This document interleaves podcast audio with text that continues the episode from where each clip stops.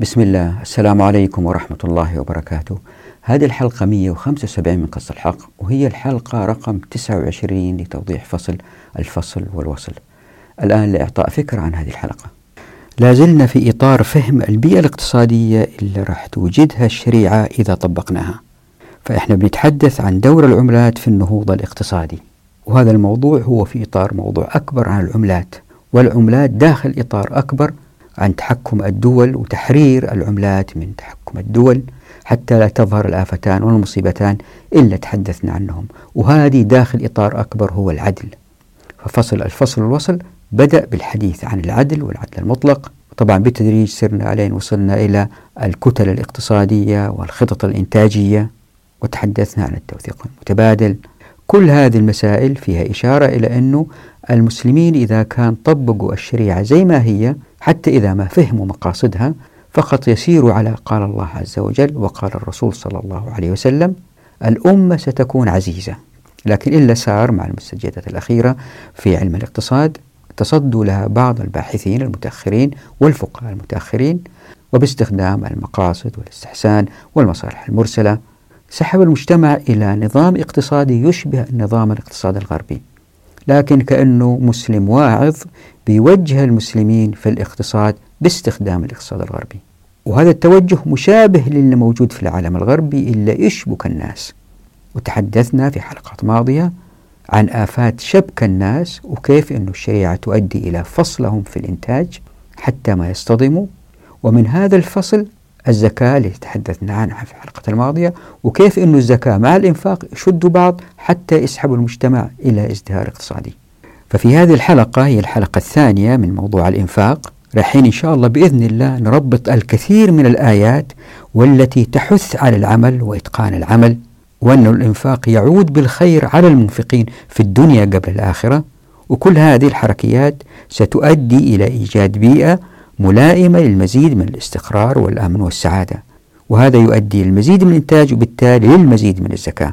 يعني الحركة الاقتصادية في الأمة إذا طبقنا الشريعة وكأنها حركة حلزونية في الارتقاء فهي تسمو جيل بعد جيل.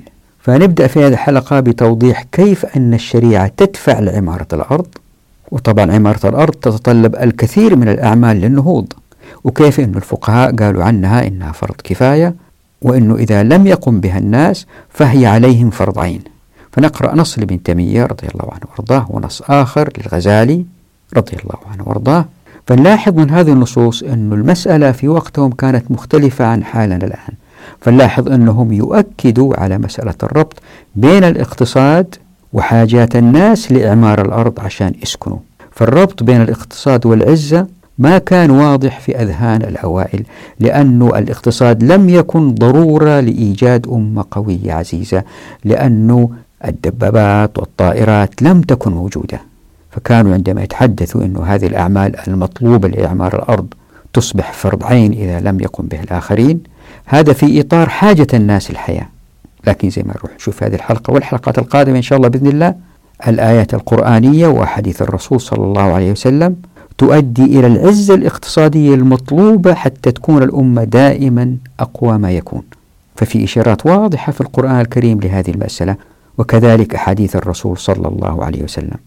بعد كذا أوضح كيف أنه بعض الفقهاء المتأخرين وباحثي الاقتصاد ما ركزوا على مسألة ضرر التنمية من خلال الشركات الكبرى أو الحكومات. كانوا يتحدثوا عن التنمية عموما وكيف إنها مطلوبة في الإسلام. وطبعا هذا ليس في الإسلام ولكن في جميع المجتمعات النمو الاقتصادي مهم. لكن اللي يميز الإسلام هو أنه الطريق للوصول لهذا الازدهار الاقتصادي يكون بالابتعاد عن الحكومات والشركات الكبرى. فأبين أنه هؤلاء الباحثين والفقهاء المتأخرين من خلال نصوصهم لم يركزوا على هذا التمييز بين أن التنمية تكون أقوى إذا نشأت على أيدي الأفراد أو إنها على أيدي الحكومات والشركات الكبرى. طبعا أي واحد يقرأ النصوص يقول ما في دليل يا جميل من هذه النصوص اللي أنت جبتها على أنهم ما ميزوا هذه المسألة. الجواب هو الآتي.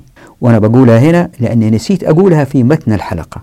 ألا وهو كون إنهم لم يركزوا عليها يعني هي ما هي موجودة في أذهانهم كعنصر أساسي لإيجاد اقتصاد مزدهر دون تلويث واستعباد.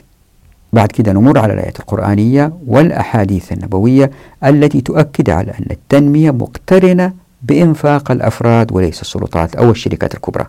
طبعا أوضح أنه ستظهر الشركات كبرى إن طبقنا الشريعة لكن بطريق مختلف كما وضحت في فصل الشركة. وليس تحت مظلة الأنظمة الرأسمالية اللي فيها أسهم وبورصات ومدعومة للبنوك. بعد كده نمر على أحاديث الحث على العمل ثم أحاديث أن العمل عبادة. بعد كده نمر على الآثار التي تبين أفضلية إتقان العمل. ليه؟ لأن إتقان العمل يؤدي إلى المزيد من الربح وبالتالي المزيد من الزكاة وبالتالي المزيد من الإنفاق فيدور المال أكثر وأكثر. بعد كده نمر على الآيات الدالة على أن الخيرات في الكرة الأرضية من ثمار وأنعام ومعادن وما شابه كلها خلقت لتتحول لمستهلكات وأنه منع الناس منها لهو اعتداء. هذا بالإضافة لمسائل أخرى حول التمكين مؤدية للاستمتاع بالخيرات ليزداد الإنفاق بعد تحول المودة الخام لمستهلكات بعد كده نوضح مسألة مهمة ألا وهي أنه كيف أن الإنفاق يعود للمنفق بالمنفعة في الدنيا قبل الآخرة؟ طبعا في أجر في الآخرة لكن نركز في الحلقة على أنه المنفق سيستمتع بنفقته في حياته قبل الآخرة. وطبعا صعب شرح هذه المسألة فلا بد من مشاهدة الحلقة للفهم. بعد كده أبين العكس. ألا وهو أن عدم الإنفاق سيؤدي إلى التهلكة. بعد كده نمر على السؤال إذا كيف يأتي الازدهار الاقتصادي إن طبقت الشريعة دون استثمارات كبيرة الحجم ولكن بالتركيز على إنفاق الأفراد؟ طبعا هذه الحلقة أيضا مبتورة لأنه تكملتها في الحلقة القادمة. فالحلقة القادمة تتجه نحو توضيح أن المجتمع المسلم كله يعمل وما في بيروقراطيات. والآن إلى التوضيح. طبعا كلكم عارفين أنه مما هو ثابت أن الشريعة تدفع المسلمين لعمارة الأرض. يقول القرطبي في تفسير قوله تعالى في سورة هود أعوذ بالله من الشيطان الرجيم. هو اللي أنشأكم من الأرض واستعمركم فيها. قال بعض الشافعية الاستعمار طلب العمارة والطلب المطلق من الله تعالى على الوجوب. قال الجصاص وفيه الدلالة على وجوب عمارة الأرض للزراعة والغراس والأبنية. ويقول الإمام الشيباني تعليقا على قوله تعالى في سورة البقرة أعوذ بالله من الشيطان الرجيم. يا أيها الذين آمنوا أنفقوا من طيبات ما كسبتم ومما أخرجنا لكم من الأرض. فيقول والأمر حقيقته الوجوب ولا يتصور الإنفاق إلا بعد الكسب أو بعد الإنتاج وما لا يتوصل إلى إقامة الفرض إلا به يكون فرضا كما قال وما يتوصل به إلى أداء والواجب يكون واجبا. وطبعا زي ما هو معروف عمارة الأرض لا تتم إلا بالقيام بالكثير من الأعمال. هذا يحفر هذا ينقب هذا يصقل هذا يبتكر هذا حداد هذا نجار هذا طيار. فجميع الأعمال هذه تعتبر من فروض الكفاية وإذا لم يقوموا بها المسلمين فهي فرض عين. خلينا نقرأ النصين الآتيين أول نص من ابن تيمية بعدين تعليق بعدين نقرأ نص الغزالي لتوضيح هذه المسألة. أنه عمارة الأرض فيها أعمال هي من فروض الكفاية إذا لم يقوم بها المسلمين فهي تصير فرض عين. فيقول ابن تيمية رحمه الله والمقصود هنا أن هذه الأعمال التي هي فرض على الكفاية متى لم يقم بها غير الإنسان صارت فرض عين عليه لا سيما إن كان غيره عاجزا عنها. ومن ذلك أن يحتاج الناس إلى صناعة ناس مثل حاجة الناس إلى الفلاحة والنساجة والبناية. فإن الناس لا بد لهم من طعام يأكلونه وثياب يلبسونها ومساكن يسكنونها. فإذا لم يجلب إليهم ما يكفيهم يعني بالتجارة تجار يجيبوا الأكل احتاجوا إلى من ينسج لهم الثياب ولا بد لهم من طعام إما مجلوب من غير بلدهم وإما من زرع بلدهم وهذا هو الغالب. وكذلك لابد لهم من مساكن يسكنونها فيحتاجون إلى البناء. فلهذا قال غير واحد من الفقهاء إن هذه الصناعات فرض على الكفاية فإنه لا تتم مصلحة الناس إلا بها. فإذا عاش ابن تيمية الآن وشاف الذل اللي فيه المسلمين وشاف البارجات الأمريكية حاملة الطائرات هذه الكبيرة إلا من وسط البحار تقلع وتضرب ديار المسلمين. لكان غير رأيه. لكان قال أشتغلوا وزيدوا أموالكم وأجمعوا الأموال وأصنعوا أسلحة وطوروا حالكم حتى تضاهون في القتال. لو عاش وشاف حالنا الآن لقال أهم حاجة هي العملية الإنتاجية التي تأتي بالأموال ليزدهر الاقتصاد حتى الأمة تكون قوية وعزيزة عسكريا. وما تستورد أسلحتها. لكن اللي صار مع الأسف المسلمين عاطفيين جدا وما ركزوا على هذه العلاقة بين الإنسان والدولة في الحقوق وذلت الأمة. أنا ما بقول الدعاء في رمضان في القنوت التباكي لله سبحانه وتعالى يا رب أنقذنا. أنا ما أقول هذا ما هو ما هو طريق سليم. هذا طريق مطلوب. لكن لابد أيضا أن الناس تفهم وتعي مسألة الحقوق حتى تخرج من استعباد هؤلاء الحكام وتنطلق حتى تتحرر من الذل اللي هم فيه من قبل العالم الغربي. وحتى ننقذ الكرة الأرضية من التلوث القادم لا محالة إذا سرنا على النظام الرأسمالي إلا عايشين عليه العالم الغربي. خلينا نقرأ الآتي من الغزالي أيضا حتى نبين أهمية العمل للمسلمين حتى يكونوا أمة عزيزة. إن الصناعات والتجارات لو تركت بطلت المعايش وهلك أكثر الخلق فانتظام أمر الكل بتعاون الكل وتكفل كل فريق بعمل. ولو أقبل كلهم على صنعة واحدة لتعطلت البواقي وهلكوا. وعلى هذا حمل بعضهم قول رسول الله صلى الله عليه وسلم اختلاف أمتي رحمة على أنه اختلاف هممهم في الصناعات والحرف ومن الصناعات ما هي مهمة ومنها ما يستغنى عنها لرجوعها إلى طلب التنعم. فليشتغل بصناعة مهمة ليكون في قيامه بها كافيا عن المسلمين. طبعا زي ما أنتم عارفين كلكم إنه زمان أول كانت الحروب بأسلحة بسيطة وسهلة فما كان الاقتصاد مركزي في إيجاد أمة قوية عزيزة. لكن الآن وضع اختلف. خلينا نستمر ونبين بعض الأقوال أيضا في مسألة أهمية اكتفاء الأمة من الحرف والصنائع. فقد بين النووي في المنهاج أن من فروض الكفاية الحرف والصنائع وما تتم به المعايش. وقال في مغني المحتاج لأن قيام الدنيا بهذه الأسباب وقيام الدين يتوقف على أمر الدنيا حتى لو امتنع الخلق منه أثموا وكانوا ساعين في إهلاك أنفسهم. وفي نهاية المحتاج بيقول لو تحالفوا على تركه أثموا وقوتلوا. طبعا زي ما أنتم شايفين من هذه الأقوال وهي كثيرة جدا أنا اخترت فقط هذه أن الإسلام دين يحث على العمل والاستثمار. قال صلوات ربي وسلامه عليه خير الأسماء عبد الله وعبد الرحمن ونحو هذا وأصدق الأسماء الحارث وهمام. حارث لدنياه ودينه وهمام بهما وشر الأسماء حرب ومرة. والعمل المهم أيضا لدرجة أنه بين المسلمين في ناس غير المسلمين عايشين معاهم هؤلاء إن أحيوا الأرض لن تقف الشريعة عقبة أمام تمكينهم. فقد جاء في زاد المستقنع عن إحياء غير المسلم للأرض مثلا فمن أحياها ملكها من مسلم وكافر.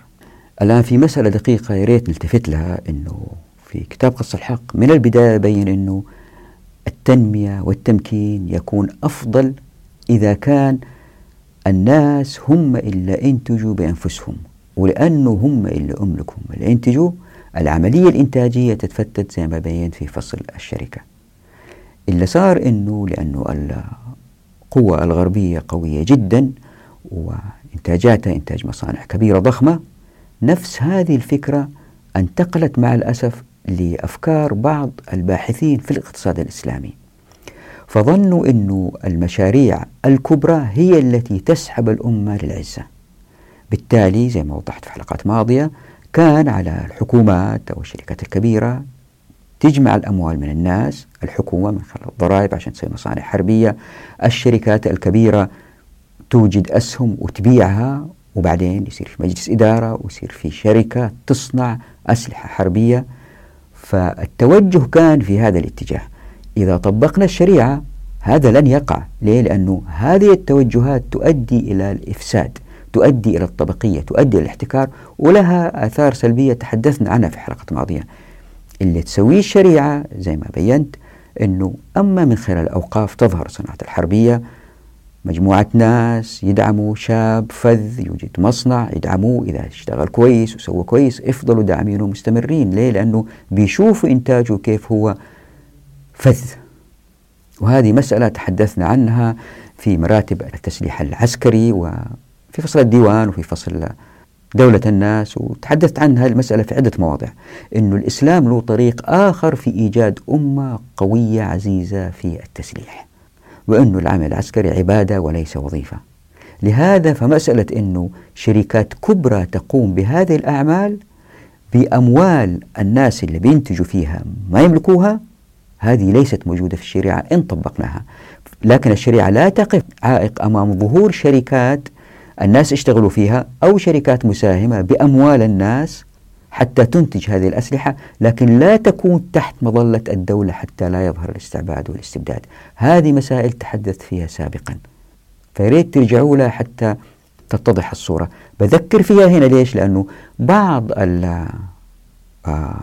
الفقهاء وبعض الباحثين في الاقتصاد الإسلامي لم يرفضوا فكرة أنه المشاريع الكبرى والمصانع الكبرى للأسلحة اللي يكون إنها تأتي من الدولة أو تأتي من شركات رأسمالية بل بعضهم رأى أنه في هذا عز ويجب على الدولة أن تقوم بهذا. واللي بيقول في قص الحق هذا تدمير للأمة وبالتالي تدمير أيضا للكرة الأرضية في التلويث. فلإثبات هذه المسألة خلينا نقرأ هذا النص للدكتور عبد السلام داود العبادي رحمه الله. وهو من الباحثين المرموقين حقيقة. ألف كتاب مهم جدا عن الأموال في الإسلام وكان بحثه للدكتوراه. توفى رحمه الله لكن في هذه المسألة فرجت منه أثاب الله. فيستنتج قائلا إن الأمة لا تكون قوية إلا إذا كانت تتمتع باقتصاد قوي. ولا يمكن أن يكون الاقتصاد القوي إلا باستثمار الأموال في المشاريع الإنتاجية المختلفة وما لا يتم الواجب إلا به فهو واجب. ومن هنا كان استثمار الأموال في المشاريع التي تزيد من القدرة الاقتصادية للأمة من القوة التي أمر المسلمون بإعدادها في مواجهة أعدائهم وذلك بقوله تعالى وأعدوا لهم ما استطعتم من قوة فتلاحظون الباحثين في الاقتصاد الإسلامي ما ميزوا بين الاستثمارات الكبيرة الحجم والصغيرة منها؟ هم يتفقوا معظمهم أنا ما قرأتهم كلهم لكن جميع اللي قرأت لهم متفقون على ضرورة تلافي الكنز وضرورة استثمار المال ولكن دون التركيز على حجم هذا الاستثمار. فمثلا هذا الدكتور رفعت العوضي يقول في قوله تعالى في سورة التوبة أعوذ بالله من الشيطان الرجيم. يا أيها الذين آمنوا إن كثيرا من الأحبار والرهبان ليأكلون أموال بالباطل ويصدون عن سبيل الله والذين يكنزون الذهب والفضة ولا ينفقونها في سبيل الله فبشرهم بعذاب أليم. بيقول بأن فيه قرن تأثيم الاكتناز بأكل أموال الناس بالباطل وما يتضمنه من حقوق للجماعة على المال الخاص بحيث أن كنزه يقرن بأكل أموال الناس بالباطل. هذا السياق يضع أساسا عقديا للتشغيل الكامل للمال. لكن الذي أريد أن أقف عنده هو المعنى الذي يستنتج من تأثيم الإسلام للاكتناز في علاقته بالتشغيل الكامل لرأس المال. إن الاكتناز هو جزء الادخار الذي لم يوجه إلى الاستثمار. فإذا التزم المسلم التزاما إسلاميا صحيحا بالمنهج الإسلامي ومن هذا المنهج تأثيم الاكتناز فسوف يوجه كل ادخاراته التي هي جزء الدخل الذي يفيض عن الاستهلاك سوف يوجهه إلى الاستثمار. ومعنى هذا أنه وفق المنهج الإسلامي لا توجد رؤوس أموال مكتنزة أي عاطلة. فزي ما أنتم شايفين في هذا النص أنه في توجه إلى استثمار الأموال للمسلمين حتى لا يتخلفوا. هذا كلام يوافق عليه كتاب الحق. لابد من استثمار الأموال. لكن النقطة اللي لم يلتفت لها الباحثين ألا وهي أنه التمييز بين من يستثمر لأنه بهذه الأقوال يتجه الفكر إلى أنه يعني مو واحد يستثمر في يفتح بقالة ولا كذا. أكيد الاستثمار يكون في أشياء ضخمة وكبيرة وبالتالي اللي يقوم بالاستثمار أما الحكومات أو الشركات الكبيرة اللي تقترض أموال من البنوك أو فإحنا بنساهم في استدامة النظام الاقتصادي الرأسمالي لكن إذا كان بينا وهذا اللي بيحاول كتاب القص الحق يفعله أنه الاستثمار لابد أن يأتي من الأفراد وهؤلاء الأفراد يأتوا بالابتكارات عادة أو يطوروا ابتكارات موجودة لأنه همهم في الشغل لأنه هم ملاك الشغل. بينما ما تقوم فيه الشركات أو الحكومات يأخذ خط آخر. طيب يمكن واحد يقول لي طيب إيش المشكلة إذا كانت تأتي دولة وتنظم المسألة وتستخرج خلينا نقول مثلا الذهب بكميات كبيرة وتعطي الناس الشغالين في هذه الشركة أموال مجزية. أين المشكلة؟ الجواب هو الآتي. الدولة لن تستطيع فعل ذلك إلا إذا منعت الناس من استخراج الذهب. لأنه لو الناس لهم الحق يشتغلوا لوحدهم أو يشتغلوا عند الدولة راح يشتغلوا لوحدهم بالتأكيد. لأن الدولة لن تعطيهم أموال مجزية إلا إذا كانت هي بتدخل دخل أكبر. طب واحد يقول لي طيب الدولة تنفق هذه الأموال في التعليم في الصحة الجواب هو سيأتي هذه الخدمات ستأتي تعليم صحة من القطاع الخاص أو من الأوقاف بطريقة أكفأ بهدر أقل ببيروقراطي أقل ومن غير استعباد. وهذا اللي كتاب قص الحق من البداية يحاول يبينه أنه البيروقراطيات تؤدي إلى إحداث ثغرات تظهر منها الرشاوي في أسوأ الأحوال كما في العالم الإسلامي أو تؤدي إلى الهدر وزيادة الاستهلاك كما هو حال العالم الغربي لأنه ستوجد طبقات ثرية على حساب طبقات فقيرة. فمثلا في العالم الغربي الشركات الكبرى هي التي تستخرج المعادن وبالتالي ملاك هؤلاء الشركات أثرياء وأنتم عارفين القصة الكلام اللي تحدثنا عنه من إشكاليات الطبقية. ففي جميع الأحوال عدم التركيز على هذه المسألة أنه الاستثمار يكون كيف؟ أفراد بفتح وبالتمكين في الموارد والموافقة المعرفة أو حكومات أو شركات كبرى. هذا التمييز يجب أن يكون واضح في أذهان جميع الباحثين. الإشكالية لأنه ما كان موجود استمرت القناعات عند الكثير من الناس بالترحيب بالمشاريع الكبرى التي تقوم فيها الحكومات أو الشركات اللي هي بيشتغلوا فيها ناس ما يملكوها. وهذه من أسس الفساد. فمثلا الباحثة نعمة جزاها الله خير في كتاب عن الزكاة التفتت بوضوح لمسألة الاستثمار لكن ما ميزت هذه المسألة بين هو دولة أو شركات أو أفراد؟ طبعا لما أقول أفراد ما أقصد أفراد لوحدهم الأفراد اجتمعوا مع بعض يكونوا شركات وهذه تحدثنا عنها في فصل الشركة. فبتقول جزاها الله خير فالإسلام كعقيدة لا يفصل بين شؤون الفرد الدينية والدنيوية. بل كل منهما مسخر للآخر ضمانا لفلاح الفرد في كليهما معا. فيقول سبحانه وتعالى أعوذ بالله من الشيطان الرجيم وابتغ فيما آتاك الله الدار الآخرة ولا تنس نصيبك من الدنيا كما قال صلى الله عليه وسلم خيركم من لم يترك آخرته لدنياه ولا دنياه لآخرته ولم يكن كلا على الناس ويطالب أحد المفكرين المسلمين اللي هو الفنجري بضرورة الربط بين التنمية وفكر الجهاد المقدس استثمارا للسمة العقائدية للتنمية حتى يتم تفجير الطاقات المختزنة في الفرد المسلم وتحقيق التنمية انطلاقا من الممارسة الدينية والواقع الإيماني. وبلغة الاقتصاد الوضعي نقول إن العقيدة الإسلامية تضيف إلى المزايا المعنوية التي تشملها منفعة العمل. ميزة تفوق أهميتها ويزيد أثرها على الأجر النقدي والمزايا العينية. أي أنها تضيف إلى منفعة العمل ميزة تتضاءل بجانبها ميزة الأجر الحقيقي. فتؤدي إلى تناقص المنفعة الحدية للعمل بمعدل أقل كما تؤدي إلى تزايد الألم الحدي للعمل بمعدل أبطأ. فتكون النتيجة النهائية لذلك هي زيادة الإقبال على العمل لدى الإنسان المسلم أكثر منها لدى أي عامل آخر وتكون النتيجة إضافة هذا العنصر الحيوي إلى المزايا المعنوية للعمل تميز العامل المسلم المؤمن على أقرانه من حيث كمية العمل المنتج ونوعيته.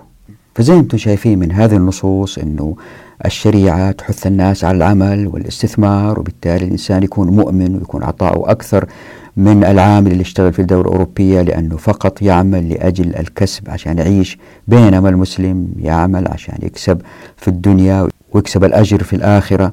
هذا كله كلام معروف وسديد بس كباحثين علميين لهذه المسائل أما نلتزم بالشريعة كما أتت من غير أي إضافات من غير أي فزلكة زي ما بينت في الحديث عن قصور العقل البشري والقذف بالغيب والقذف بالحق. أو أنه ندرس الموضوع بتأني عشان نعرف كيف الأمة يمكن تنهض. يعني أما نطبق الشريعة زي ما جات من غير إضافات عليها بالاستحسان والمقاصد والمصالح المرسلة وهذه تحدثنا عنها أو نفهم الموضوع. فاللي صار زي ما أنتم شايفين من هذه النصوص أن الرؤية كانت ضبابية لعلماء الاقتصاد. هم يريدون التنمية لكن التمييز لم يظهر بوضوح بين ضرر مسؤولية الدولة وبين محاسن نفقات الناس. هم رأوا في زيادة الكسب ضرورة لأنه فيه محاربة للفقر وتمكين للمسلم من القيام بالطاعات. هذا من جهة وتمكين للأمة من جهة أخرى. يعني ما في تكاسل أبدا. وهذا المنهج يوافقهم عليه طبعا كتاب قص الحق. لكن اللي ينادي في قص الحق هو طريقة الوصول للاستثمار. فنجد أن الخطاب في جميع الآيات القرآنية والأحاديث النبوية موجهة للفرد أو للأفراد وليس للسلطات. خلينا ندبر قول الرسول صلى الله عليه وسلم فيقول اطلبوا الرزق في خبايا الأرض. هذا الحديث فيه توجيه للأفراد للتحرك للوصول إلى الخيرات في كل ركن من الأرض فوق الجبال وفي أعماق الأنهار والبحار والمحيطات وتحت تخوم الأرض حتى إن نزلنا إلى الأرض السابعة. الآن خلينا ندبر هذا الحديث من سنن أبي داود عن الأنصاري الفقير الذي أتى للرسول صلى الله عليه وسلم يسأل العون فقط حتى نقارن. عن أنس بن مالك أن رجلا من الأنصار أتى النبي صلى الله عليه وسلم يسأله فقال أما في بيتك شيء؟ قال بلى حلس نلبس بعضه ونبسط بعضه وقعب نشرب فيه من الماء. قال ائتني بهما. فأتاه بهما فأخذهما رسول الله صلى الله عليه وسلم بيده وقال من يشتري هذين? قال رجل أنا آخذهما بدرهم. قال من يزيد على درهم؟ مرتين أو ثلاثة. قال رجل أنا آخذهما بدرهمين. فأعطاهما إياه وأخذ الدرهمين وأعطاهما الأنصاري. وقال اشتري بأحدهما طعاما فانبذه إلى أهلك واشتري بالآخر قدوما فأتني به. فأتاه به فشد فيه رسول الله صلى الله عليه وسلم عودا بيده ثم قال له اذهب فاحتطب وبع ولا أرينك خمسة عشر يوما. فذهب الرجل يحتطب ويبيع. فجاء وقد أصاب عشرة دراهم فاشترى ببعضها ثوبا وببعضها طعاما. فقال رسول الله صلى الله عليه وسلم هذا خير لك من أن تجيء المسألة نكتة في وجهك يوم القيامة. إن المسألة لا تصلح إلا لثلاثة لذي فقر مدقع أو لذي غرم مفضع أو لذي دم موجع. وهذا الحديث تحدثنا عنه في حلقة ماضية. لاحظوا في هذا الأثر أنه توجيه الرسول صلى الله عليه وسلم ما كان وهو جالس بين الصحابة مين يشغل هذا؟ مين يشغل حارس عنده أو في مزرعته؟ لا يبغاه يصير حر طليق. قال له روح أشتغل من الطبيعة أجمع وبيع. حتى يكون إنسان عزيز لأنه لما يبيع ويعرف الطريق لأنه ما كان شاف الطريق أنه يقدر يأخذ من الطبيعة ويبيع ما يعتمد على أحد ويكسب بقدر همته وبالتالي يستمتع وبالتالي ينطلق في الحياة. كان بإمكان الرسول صلى الله عليه وسلم يوجه واحد من الصحابة الأثرى يقول له شغله عندك. وإذا تلاحظوا في كل الآثار التي تتصل بالعمل أن الرسول صلى الله عليه وسلم كان يحث الناس على الانطلاق. أما أفراد أو شراكات أو لكن ما يحثهم على أنهم يعتمدوا على الآخرين في الأخذ. هذه الذهنية أتت مع الرأسمالية وهي بدأت مع الديوان طبعا في العالم الإسلامي استشرت بالرأسمالية من بدايات العهد الأموي بدأت تظهر أعمال لأنه في ديوان في أموال تروح لبيت المال وبيت المال مكنوز بالأموال اللي كان المفروض تذهب للمجاهدين. اللي صار أنه وهذه مسألة طويلة وضحناها في فصل الديوان وفصل دولة الناس يا ريت تشوفوها اللي صار أنه عندما اكتنزت بيوت المال بالأموال بدأت تظهر الوظائف اللي يمكن السلطان أو الحاكم من خلالها يوظف الناس. فهذا فقير معدم ما قال له الرسول صلى الله عليه وسلم أشغلك حاجب عندي. قال له روح اشتغل الطبيعة أمامك خذ وأنتج. ومن أقوال عمر بن الخطاب رضي الله عنه وأرضاه كان حريص على هذه المسألة. هو أكثر واحد من الأثر كما وجدت حريص على هذه المسألة. يبغى الناس ينطلقوا في العمل. فيقول أنور عبد الكريم أستاذ الاقتصاد بأن الخليفة عمر بن الخطاب كان يقدم درجة الكسب على درجة الجهاد استنادا لقوله تعالى في سورة المزمل أعوذ بالله من الشيطان الرجيم. وآخرون يضربون في الأرض يبتغون من فضل الله وآخرون يقاتلون في سبيل الله. وقال الخليفة عمر بن الخطاب أيضا والله لئن جاءت الأعاجم بالأعمال وجئنا بغير عمل فهم أولى بمحمد منا يوم القيامة. صلى الله عليه وسلم. كما كان رضي الله عنه يضرب بالدرة من يراه جالسا دون عمل قائلا قم واطلب الرزق فإن السماء لا تمطر ذهبا ولا فضة. ومن مقولاته أيضا إن الله خلق الأيدي لتعمل. ومما قاله أيضا رضي الله عنه وارضاه. المتوكل من ألقى حبة في الأرض وتوكل على الله. ونسب إليه أنه قال عندما رأى أناسا لا يعملون فسأل عنهم فقيل له هم المتوكلون؟ فقال كذبوا. هم المتآكلون الذين يأكلون أموال الناس بالباطل. يعني هؤلاء اللي ما اشتغلوا ويظهروا أنهم زهاد وعباد. وانتظروا الأعطيات ويأخذوا الشرهات ويشوفوهم أكثرهم هؤلاء يستهلكوا من المجتمع أكثر مما يقدمونه له. هؤلاء بهذا الكلام اللي قاله عمر رضي الله عنه يأكل أموال الناس بالباطل. يعني الناس اشتغلوا وانتجوا وهدول جالسين يأخذوا عطاءات من الحكام شاغلين مناصب عليا ورواتب ضخمة وما ينتجوا شيء للمجتمع غير الهم والغم. وهذا أكل أموال الناس بالباطل. وفي مقولة مشهورة للإمام علي كرم الله وجهه إذ يقول في من عمل لدنياه من الأفراد لرفع شأن أمته يا عباد الله إن المتقين حازوا على عاجل الخير وآجله. شاركوا أهل الدنيا في دنياهم ولم يشاركهم أهل الدنيا آخرتهم. أباح لهم الله الدنيا ما كفاهم به وأغناهم. قال الله عز وجل أعوذ بالله من الشيطان الرجيم. قل من حرم زينة الله التي أخرج لعباده والطيبات من الرزق قل هي للذين آمنوا في الحياة الدنيا خالصة يوم القيامة كذلك نفصل الآيات لقوم يعلمون. سكنوا الدنيا بأفضل ما سكنت وأكلوا بأفضل ما أكلت وشاركوا أهل الدنيا في دنياهم فأكلوا معهم من طيبات ما يأكلون وشربوا من طيبات ما يشربون ولبسوا من أفضل ما يلبسون. وسكنوا من أفضل ما يسكنون وركبوا من أفضل ما يركبون.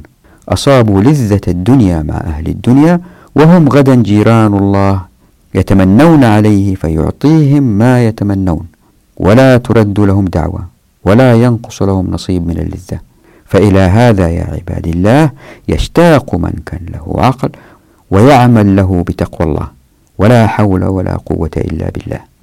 وفي مسألة معروفة جدا عند العلماء. بالذات الأوائل وافقوهم عليها المتأخرين أنه العمل في طلب الرزق عبادة.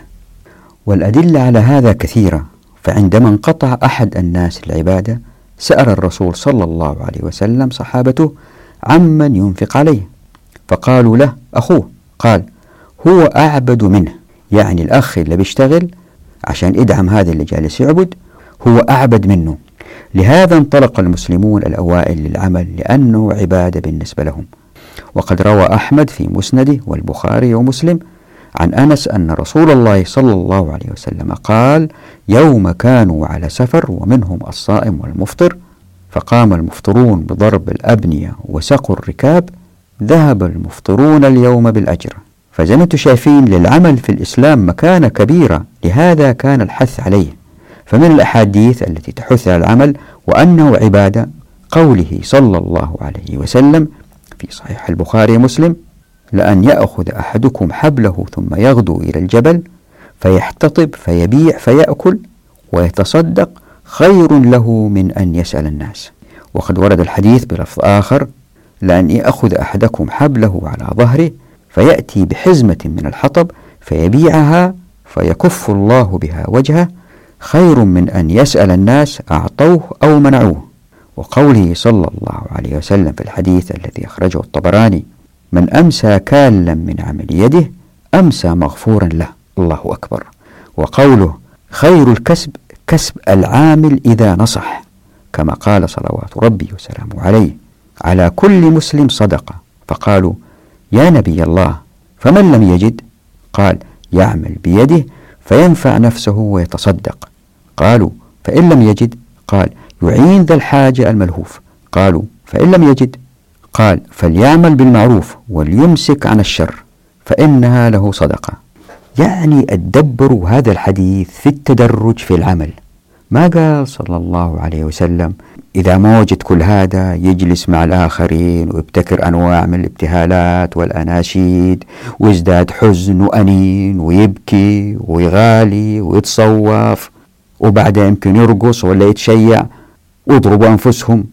مسألة ثانية أيضا مهمة أنه ليس العمل عبادة فحسب لكن كل ما زاد الفرد إتقان عمله أزداد ثوابه. فزي ما هو معروف فالمشهور بين الفقهاء هو اهتمام الإسلام بجودة العمل وإتقانه لأنه من الإيمان. فمن هذه الأحاديث الدالة على هذا مثلا ما رواه البيهقي في شعب الإيمان أن رسول الله صلى الله عليه وسلم قال إن الله تعالى يحب إذا عمل أحدكم عملا أن يتقنه. وقال صلوات ربي وسلامه عليه إن الله يحب العبد المحترف. ومن الملاحظ أن الرسول صلى الله عليه وسلم أحب عمل المؤمن بيده إشارة إلى تفضيلها على الأعمال البيروقراطية كتلك الإدارية. الأعمال التي باليد هي التي تأتي بالمنتجات. طبعا ليس المقصود العمل باليدين فقط لكن بالبدن سواء كان بالعقل أو باليد أو بالرجل فيما هو منتج. فعندما سئل الرسول صلى الله عليه وسلم أي الكسب أطيب؟ قال عمل الرجل بيده وكل عمل مبرور. وقد قبل الرسول صلى الله عليه وسلم يدا خشنة من كثرة العمل قائلا هذه يد يحبه الله ورسوله. وزي ما راح تستنتجوا إن شاء الله بإذن الله مع تطبيق الشريعة لأجيال واندثار الأعمال البيروقراطية والتي تأتي من تسلط الحكومات والحكومات ما تسلطت إلا لأنه كان في ديوان وأخذوا أموال الديوان ومع الزمن ما طبقوا آيات الصدقات والفي والغنائم زي ما شفنا في فصل دولة الناس فظهرت البيروقراطية. فمع تطبيق الشريعة واندثار البيروقراطية سينخرط الجميع في إنتاج ما هو من العقول والأيدي وليس من الأعمال البيروقراطية. يعني ما راح يكون في مسؤول جالس خلف الطاولات على الكراسي يقول للناس هذا يجوز وهذا ما يجوز ومسموح لك تفعل هذا ومو مسموح لك تفعل هذا. لكن الجميع ينتج إما في معمل أو مزرعة أو مصنع أو منجم أو في السوق. ومن الآيات الدالة على أهمية إتقان العمل قوله تعالى في سورة النساء أعوذ بالله من الشيطان الرجيم. وإن تحسنوا وتتقوا فإن الله كان بما تعملون خبيرا. والإحسان هنا ميز عن التقوى فالإحسان بالعمل يكون في كل ما يقوم به المسلم من منجزات ومنها عمله في كسب رزقه. وقد جاء العمل الصالح زي ما أنتم عارفين مقرونا بالإيمان في قوله تعالى في سورة الملك أعوذ بالله من الشيطان الرجيم الذي خلق الموت والحياة ليبلوكم أيكم أحسن عملا وهو العزيز الغفور. وقوله تعالى في سورة النحل أعوذ بالله من الشيطان الرجيم من عمل صالحا من ذكر أو أنثى وهو مؤمن فلنحيينه حياة طيبة ولنجزينهم أجرهم بأحسن ما كانوا يعملون. لاحظوا هنا في إشارة واضحة إلى أن العمل الصالح يؤدي إلى الحياة الطيبة. طيب كيف يكون العمل صالح مؤديا لحياة طيبة إلا إن أتقن؟ يعني كده الشريعة بتحاول دفع الناس للمزيد من الإتقان في العمل وبالتالي للمزيد من الربح وبالتالي للمزيد من الإنفاق. وكل هذا حتى لا تتعطل الأمة من تفعيل الاستثمار وبالتالي الاستغلال الأمثل للموارد الموجودة فيها. قال تعالى في منع تعطيل الثروات الطبيعية في سورة الأعراف أعوذ بالله من الشيطان الرجيم. قل من حرم زينة الله التي أخرج لعباده والطيبات من الرزق. قل هي للذين آمنوا في الحياة الدنيا خالصة يوم القيامة. كذلك نفصل الآيات لقوم يعلمون. فهذه الخيرات اللي أودعها المعطي الواهب الوهاب الرازق الرزاق الكريم الجواد الغني المغني هذه الخيرات في الأرض لن تتحول إلى مستهلكات طبعا إلا باستخراجها ثم تصنيعها. وهذه بحاجة للعمل بإتقان حتى تصير مستهلكات طيبة. وقال تعالى في سورة المائدة أعوذ بالله من الشيطان الرجيم. يا أيها الذين آمنوا لا تحرموا طيبات ما أحل الله لكم ولا تعتدوا إن الله لا يحب المعتدين. يعني وكأن الآية تقول لنا أنه منع الناس من الوصول للخيرات وبالتالي حرمانهم من صناعة الطيبات حتى يستهلكوها. هذا المنع هو اعتداء.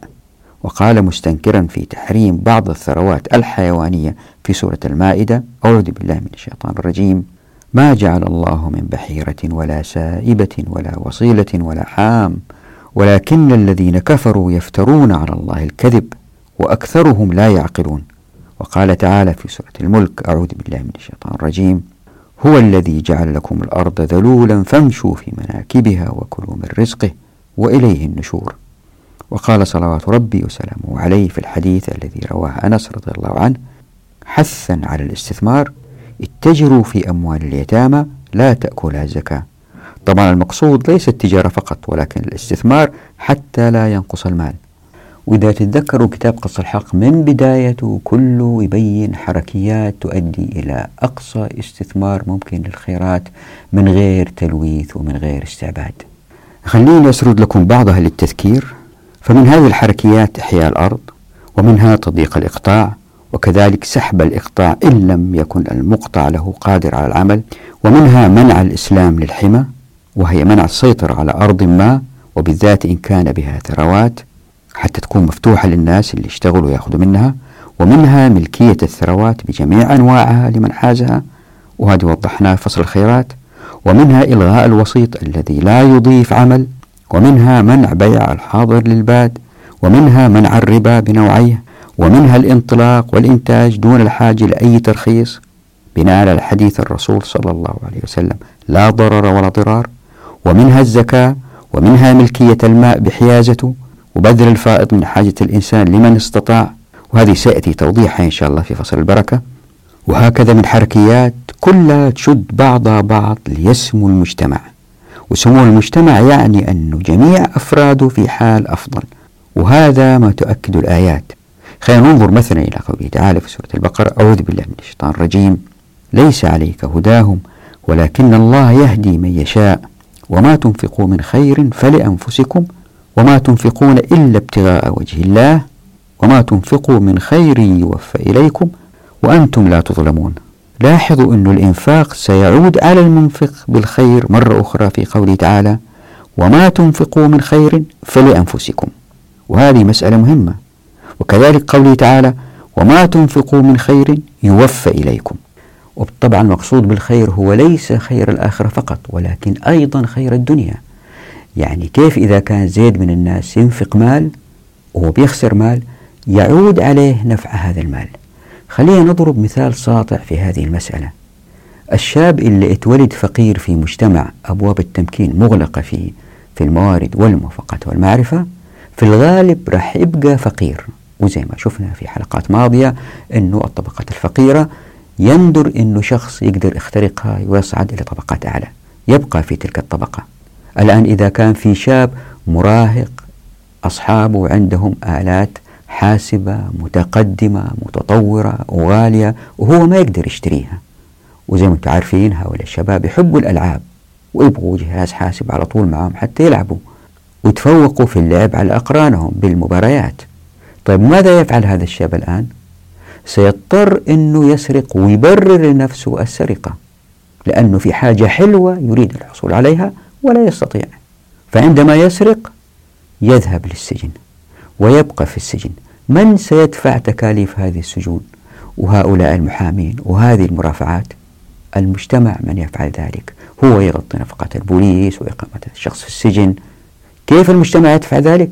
من الضرائب التي تؤخذ من هذا الذي يمكن إذا كان أنفق على هذا الطفل؟ الطفل هذا لم يسرق. لكن اللي صار الآن أنه هذا الطفل يخرج الشاب المراهق يخرج من السجن ولأنه عنده خبرة في السرقة من السرقة الأولى المرة هذه لأنه في قلبه غيظ وحقد على المجتمع راح يسرق مرة ثانية وبطريقة أفضل. أقصد أفضل يعني بمهارة أعلى. هذه إذا ما كون عصابة. هذا مثال ساطع على أنه المنفق عندما ينفق الخير يعود إليه حتى في الحياة الدنيا. خليني بس أضرب مثال واحد. بلغ عدد السجناء أكثر من مليون ونص سجين في الولايات المتحدة الأمريكية في شهر نوفمبر عام 2013 ميلادي. طبعا اخترت هذا التاريخ لأنه في هذا الوقت كنت أنا بكتب هذه الصفحات. وهذا الرقم لا يشمل المحبوسين في سجون المقاطعات أو حتى السجون المحلية. والملفت هو أن هذا الرقم يفوق عدد المهندسين اللي كانوا 1.53 مليون. ويفوق عدد معلمي الثانوية العامة اللي كانوا تقريبا مليون مدرس ومدرسة في نفس الفترة. طبعا النفقات هذه لهؤلاء المساجين تؤخذ من السكان كضرائب لكن إن قام الأفراد بالإنفاق على الخير وتمكن هؤلاء الفقراء الآخذون للنفقة واغتنموا لأن أبواب التمكين مفتوحة في الموارد والموافقات والمعرفة. وبعد كده أصبحوا هم أيضا من الدافعين للنفقة لفقراء آخرين عندها نفقات السجون والشرطة وما شابه قد جذت من جذورها. هذا إن وجدت أصلا. وهذا بالتالي يخفف في النهاية من نفقات الناس العامة بتخفيض الضرائب عليهم. طبعا هذا في حال إذا لم يكن المجتمع مسلم أو بإنعدام الضرائب إن طبقت الشريعة لأنه في الشريعة ما في مكوس. طبعا كل هذا ناهيكم عن إيجابيات استتباب الأمن واللي راح تشعر المنفق بالراحة في داره وطريقه وحيه حتى يزداد اطمئنان وبالتالي يزداد إبداع وإنتاج.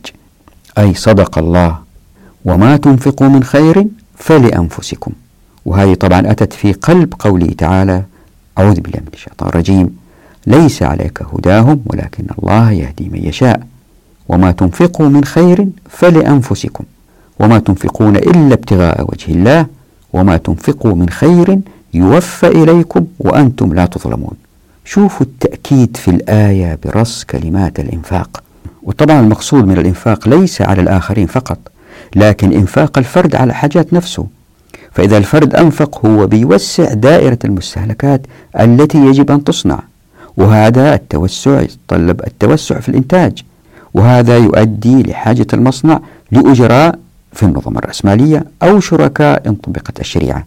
طبعا يمكن يكون أجراء وهذا ذكرت مرارا لكن بأجر مرتفع. وكل هذا يخفف البطالة ومشاكلها المصاحبة. وهذه مسألة معروفة جدا في الاقتصاد. وفي هذا التخفيف منفعة للمنفق.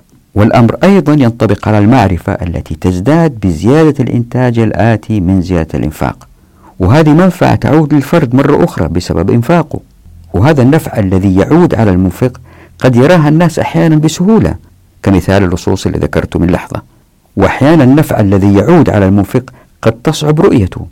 خليني أضرب مثال على نفع تصعب رؤيته ويرتد على جميع المنفقين إن طبقنا الشريعة. مثلا في مدينة الرياض كغيرها من العواصم العربية والعالمية جميع الدوائر الحكومية المركزية هي في العاصمة. وبالتالي هي مدينة تنتج البيروقراطيات اللي تقيد المنتجين في جميع أرجاء البلاد. وهذه مسألة تحدثنا عنها في وزارة الزير في حلقات سابقة وقلنا مثلا وزارة الزراعة ما تزرع ولا رزة واحدة ولا قمحة واحدة هي جالسة تصدر أنظمة وقوانين.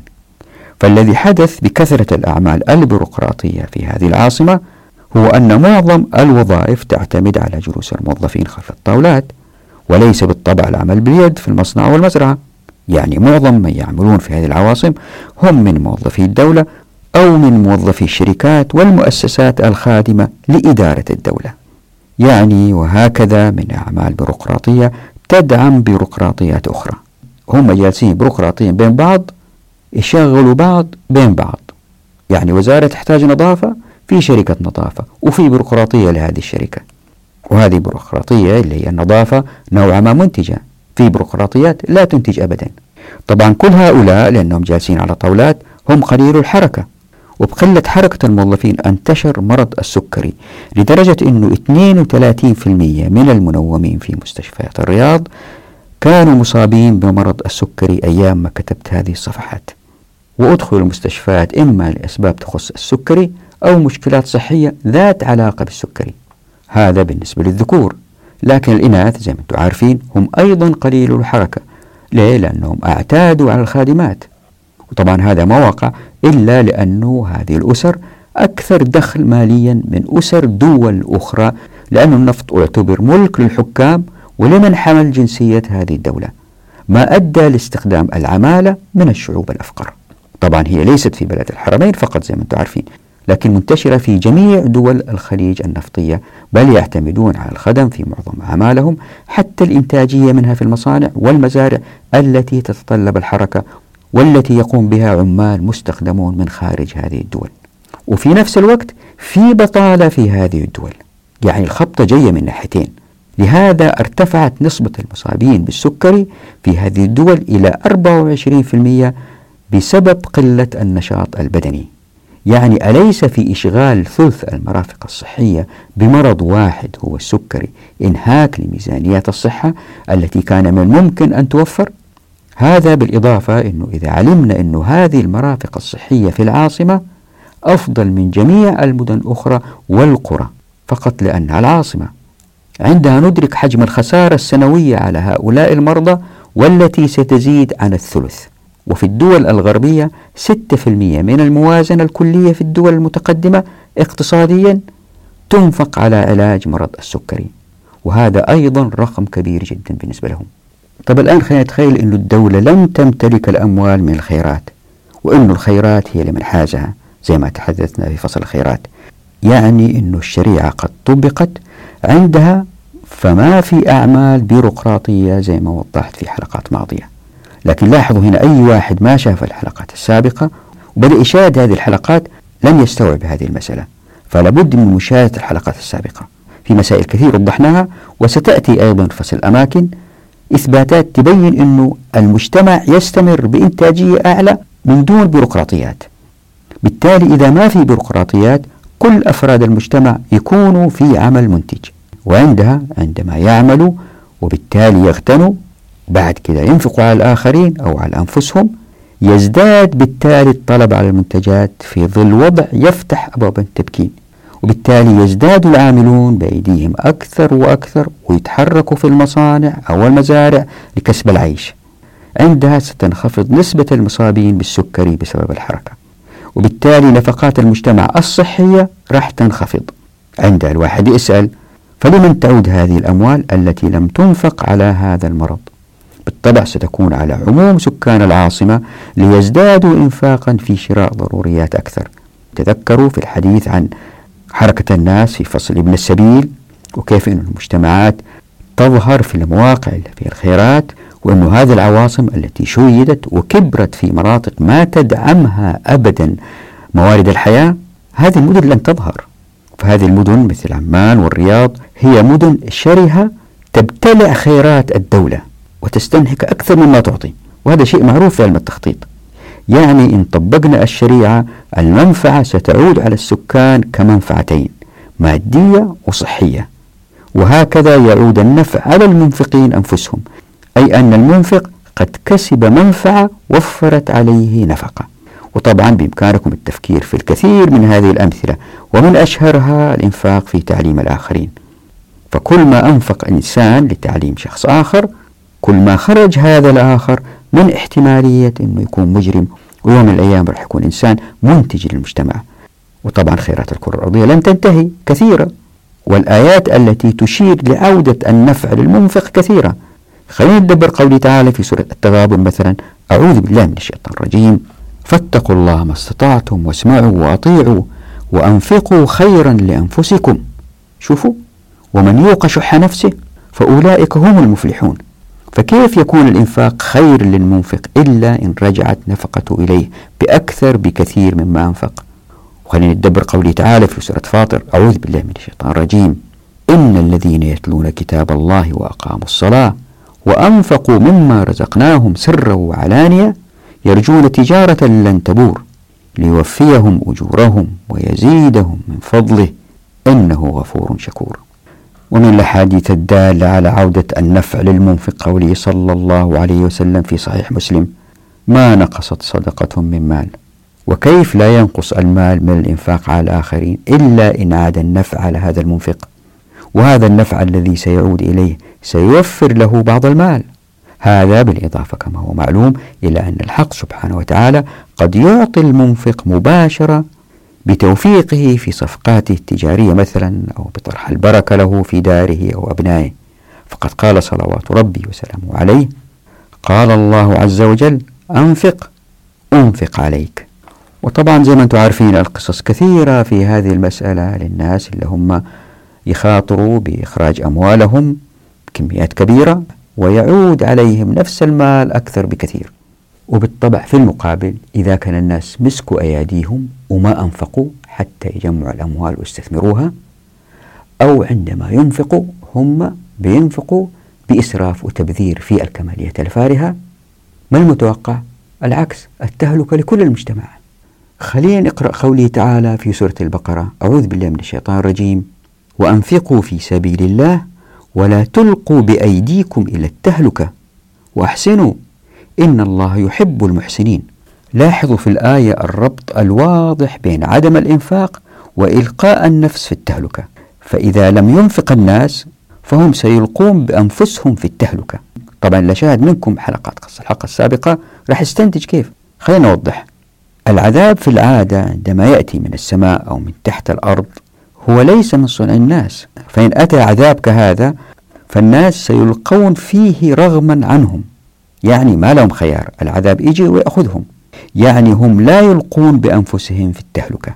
لكن النظم الاقتصادية التي هي من صنع العقول البشرية القاصرة وهي التي تركز على الادخار للاستثمار وإذا كان في إنفاق هو إنفاق على الذات بإسراف وتبذير. بالتالي فهي التي تؤدي لتركز الثروات في أيدي البعض فتؤدي للطبقية وما صاحبها من مفاسد. وهذه مرت بنا. وهذه هي التهلكة. وتؤدي أيضا لإيجاد أسواق تزخر بالكماليات الفارهة لكسب أموال الأثرياء والتي ستؤدي للإسراف والتبذير وبالتالي الهدر في الاستهلاك لتتراكم الأمراض الجسدية والنفسية وهذا إلقاء في التهلكة إلا هو من صنع الناس. قال تعالى في سورة التوبة أعوذ بالله من الشيطان الرجيم. المنافقون والمنافقات بعضهم من بعض يأمرون بالمنكر وينهون عن المعروف. ويقبضون أيديهم. نسوا الله فنسيهم. إن المنافقين هم الفاسقون. لاحظوا وضوح العلاقة في الآية بين قبض اليد في الإنفاق وبين انتشار الفسق. فزي ما ذكرت سابقا مرارا فإن قبض اليد على الإنفاق يؤدي لتثبيط الاقتصاد فتنتشر البطالة. وبالتالي يضطر هؤلاء العاطلون للانخراط في أعمال لا أخلاقية مثل بيع المخدرات والدعارة والتسويق لهذه الآفات. وهذا فسوق وقال تعالى في سورة الأنفال أعوذ بالله من الشيطان الرجيم. إن الذين كفروا ينفقون أموالهم ليصدوا عن سبيل الله فسينفقونها ثم تكون عليهم حسرة ثم يغلبون. والذين كفروا إلى جهنم يحشرون. فزي ما هو واضح في الآية أنه فيها إشارة إلى أن الحسرة ستكون في هذه الدنيا قبل الآخرة لأنهم سيغلبون بعد الحسرة. وكيف يكون الإنفاق في الصد عن سبيل الله إلا إن كان بالإسراف والتبذير المؤدي للطبقية والتلويث والفسق؟ وأخيرا خلينا ندبر قوله تعالى في سورة البقرة أعوذ بالله من الشيطان الرجيم. الشيطان يعدكم الفقر ويأمركم بالفحشاء والله يعدكم مغفرة منه وفضلا والله واسع عليم. فالسؤال هو كيف يكون الوعد بالفقر إلا إن كان من خلال تخويف الناس من الإنفاق ما يؤدي لتثبيت الاقتصاد فيظهر الفقراء الذين سيسخرون وقد يستغلون في الفحشاء فيظهر الفساد. طبعا هم عندهم ما في مشكلة في هذه المسألة في العالم الغربي. الفحشاء ما هي مشكلة لكن يؤدي إلى تلويث الكرة الأرضية. والعكس من ذلك هو الغفران بعد الإنفاق وبالتالي الفضل الكبير في الدنيا والآخرة. وطبعا كالعادة يمكن يتكرر سؤال يمر في الكثير أنه كيف يزدهر الاقتصاد من غير الأموال الكثيرة للمشاريع الكبيرة يعني كيف يزدهر الاقتصاد إن طبقنا الشريعة دون استثمارات كبيرة الحجم ولكن بالتركيز على الإنفاق ويمكن الواحد يضيف بالسؤال أليست أموال الاستثمار إلا أموال جمعت من الإنفاق؟ الإجابة أقول التالي خلينا نتذكر ما مر بنا في فصل الشركة من أن الإنتاج يأتي في الغالب من شراكات لمنتجات ذات أحجام تعكس أكبر تجمع للأفراد كشركاء. هذول يتجمعوا الأفراد كشركاء حول منتج ما ودون خلافات بينهم. هذه وضحناه في فصل الشركة. وضحت أيضا أنه بعض الصناعات كالسفن مثلا تتطلب تجميع عدد كبير من المنتجات الأصغر ثم الأصغر وهكذا. وبالتالي كل ما تصغر فإن الاستثمارات لإيجاد مثل هذه الشراكات لهذه المنتجات لا تتطلب المبالغ الهائلة للاستثمار كما هو حالنا اليوم. لكن تتطلب القليل من الأموال مع الكثير من الموارد المتاحة دون الحاجة للمال ولأنه لا حاجة للموافقات أيضا لأن المجتمع المسلم يتبع حديث الرسول صلى الله عليه وسلم لا ضرر ولا ضرار وما في حاجة للحصول على المعرفة لأن المعرفة مشاعة عندها الحاجة لرأس المال ستنخفض جدا يعني نفقة الناس اللي بيشتغلوا وشوية مواد يمكن يحصلوا عليها بشوية أموال. وبكده فإن القليل المتراكم من مشتريات الناس نقدا أو من المنتجين الآخرين بالتوثيق المتبادل سيجتمع عند الصانع ليوسع صناعته بالاستثمار فيها. وبهذا فهو ليس بحاجة لرأس مال كبير للبدء في الاستثمار أو لتوسيع استثماره بقدر حاجته للموارد غير المالية المتاحة. إذا فهمنا هذه المسائل تزول الغرابة أنه ما في نصوص تحث على الادخار في الشريعة لكن قدم الإنفاق ولم توجد كلمات في الشريعة لتعبر عن التنمية الاقتصادية. ولكن هنالك تعابير تشير لأهمية همة وحركة الفرد للعمل مثل العمارة والإحياء والإنتاج بالعمل باليد. فكلمة استثمار ليست منتشرة في فقه المعاملات مثل انتشار كلمة الإنفاق. والدكتور رفيق المصري جزا الله خير وضع الكثير من الأدلة التي تثبت حث الشريعة لتعظيم الأفراد لمواردهم حتى تنمو. فالتعظيم مثلا يقصد به التعظيم للمنفعة للمستهلك والتعظيم للربح عند المنتج والتعظيم للعائد عند المستثمر للمال أو الأرض. ومن لوجدوا أيضا الدكتور رفيق المصري أثابه الله كلمات تعبر عن التعظيم في كتب السلف منها التوفير والتناهي وطلب الغبطة والحظ والأحظ والأحظى والريع والاستقصاء. لكن لاحظ أن جميع هذه الاستثمارات هي استثمارات لأفراد وليست أموال رصدت من جهات كبرى كالدول أو الشركات الكبيرة لبدء مشروع كبير. طبعا هنا الواحد بالتأكيد يسأل ولكن ماذا عن المشروعات الكبرى؟ وهذه أيضا يستحب لها أن تتفتت كما ذكرت في مثال الأنبوب في حلقات ماضية. لكن هذا لا يعني أبدا عدم تجمع عدد كبير من الشركاء كل واحد منهم بجزء من ماله لجمع الكثير من المال لمشروع كبير. فهذا قد يقع إن أتى شخص برؤية لمشروع اغتنامي يعني شركة اغتنام وتمكن من إقناع الآخرين للشراكة وجمع المال للمشروع وتوكلوا على الله ويبدأوا وهذا تمييز مهم أرجو التنبه له لأنه يؤثر في العدالة في التوزيع والكفاءة في الإنتاج والتنمية المستدامة زي ما وضحت في عدة مواضع من الحلقات السابقة. طبعا بالتأكيد بعضكم لم يقتنع لأنه الموضوع لم ينتهي فالحلقة الماضية وهذه والقادمة هو عن موضوع الإنفاق وتحدثنا فيها في الحلقة الماضية عن الإسراف والتبذير والزهد والكنز وفي هذه الحلقة تحدثنا عن الحث على العمل وكيف أن الشريعة تؤدي إلى الإتقان. في الحلقة القادمة إن شاء الله نستمر ونبين كيف أنه الناس حتى يعيشوا لابد أن يأكلوا من كسب أيديهم. أو عقولهم يعني بإنتاج فعلي. وقد تكون حلقة مؤلمة للبعض لأنه فيها نقد شديد للناس اللي يعيشوا من غير ما ينتجوا. فالشريعة لن تؤدي إلى مجتمع في أفراد يعيشوا من غير ما ينتجوا إلا طبعا إذا واحد ورث أو وجد كنز.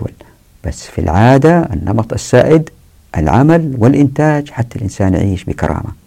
وبالتالي المجتمع كله يعتز. فالحلقة الجاية مهمة وقد تكون مؤلمة بعض الشيء. نراكم على خير في أمان الله ودعواتكم.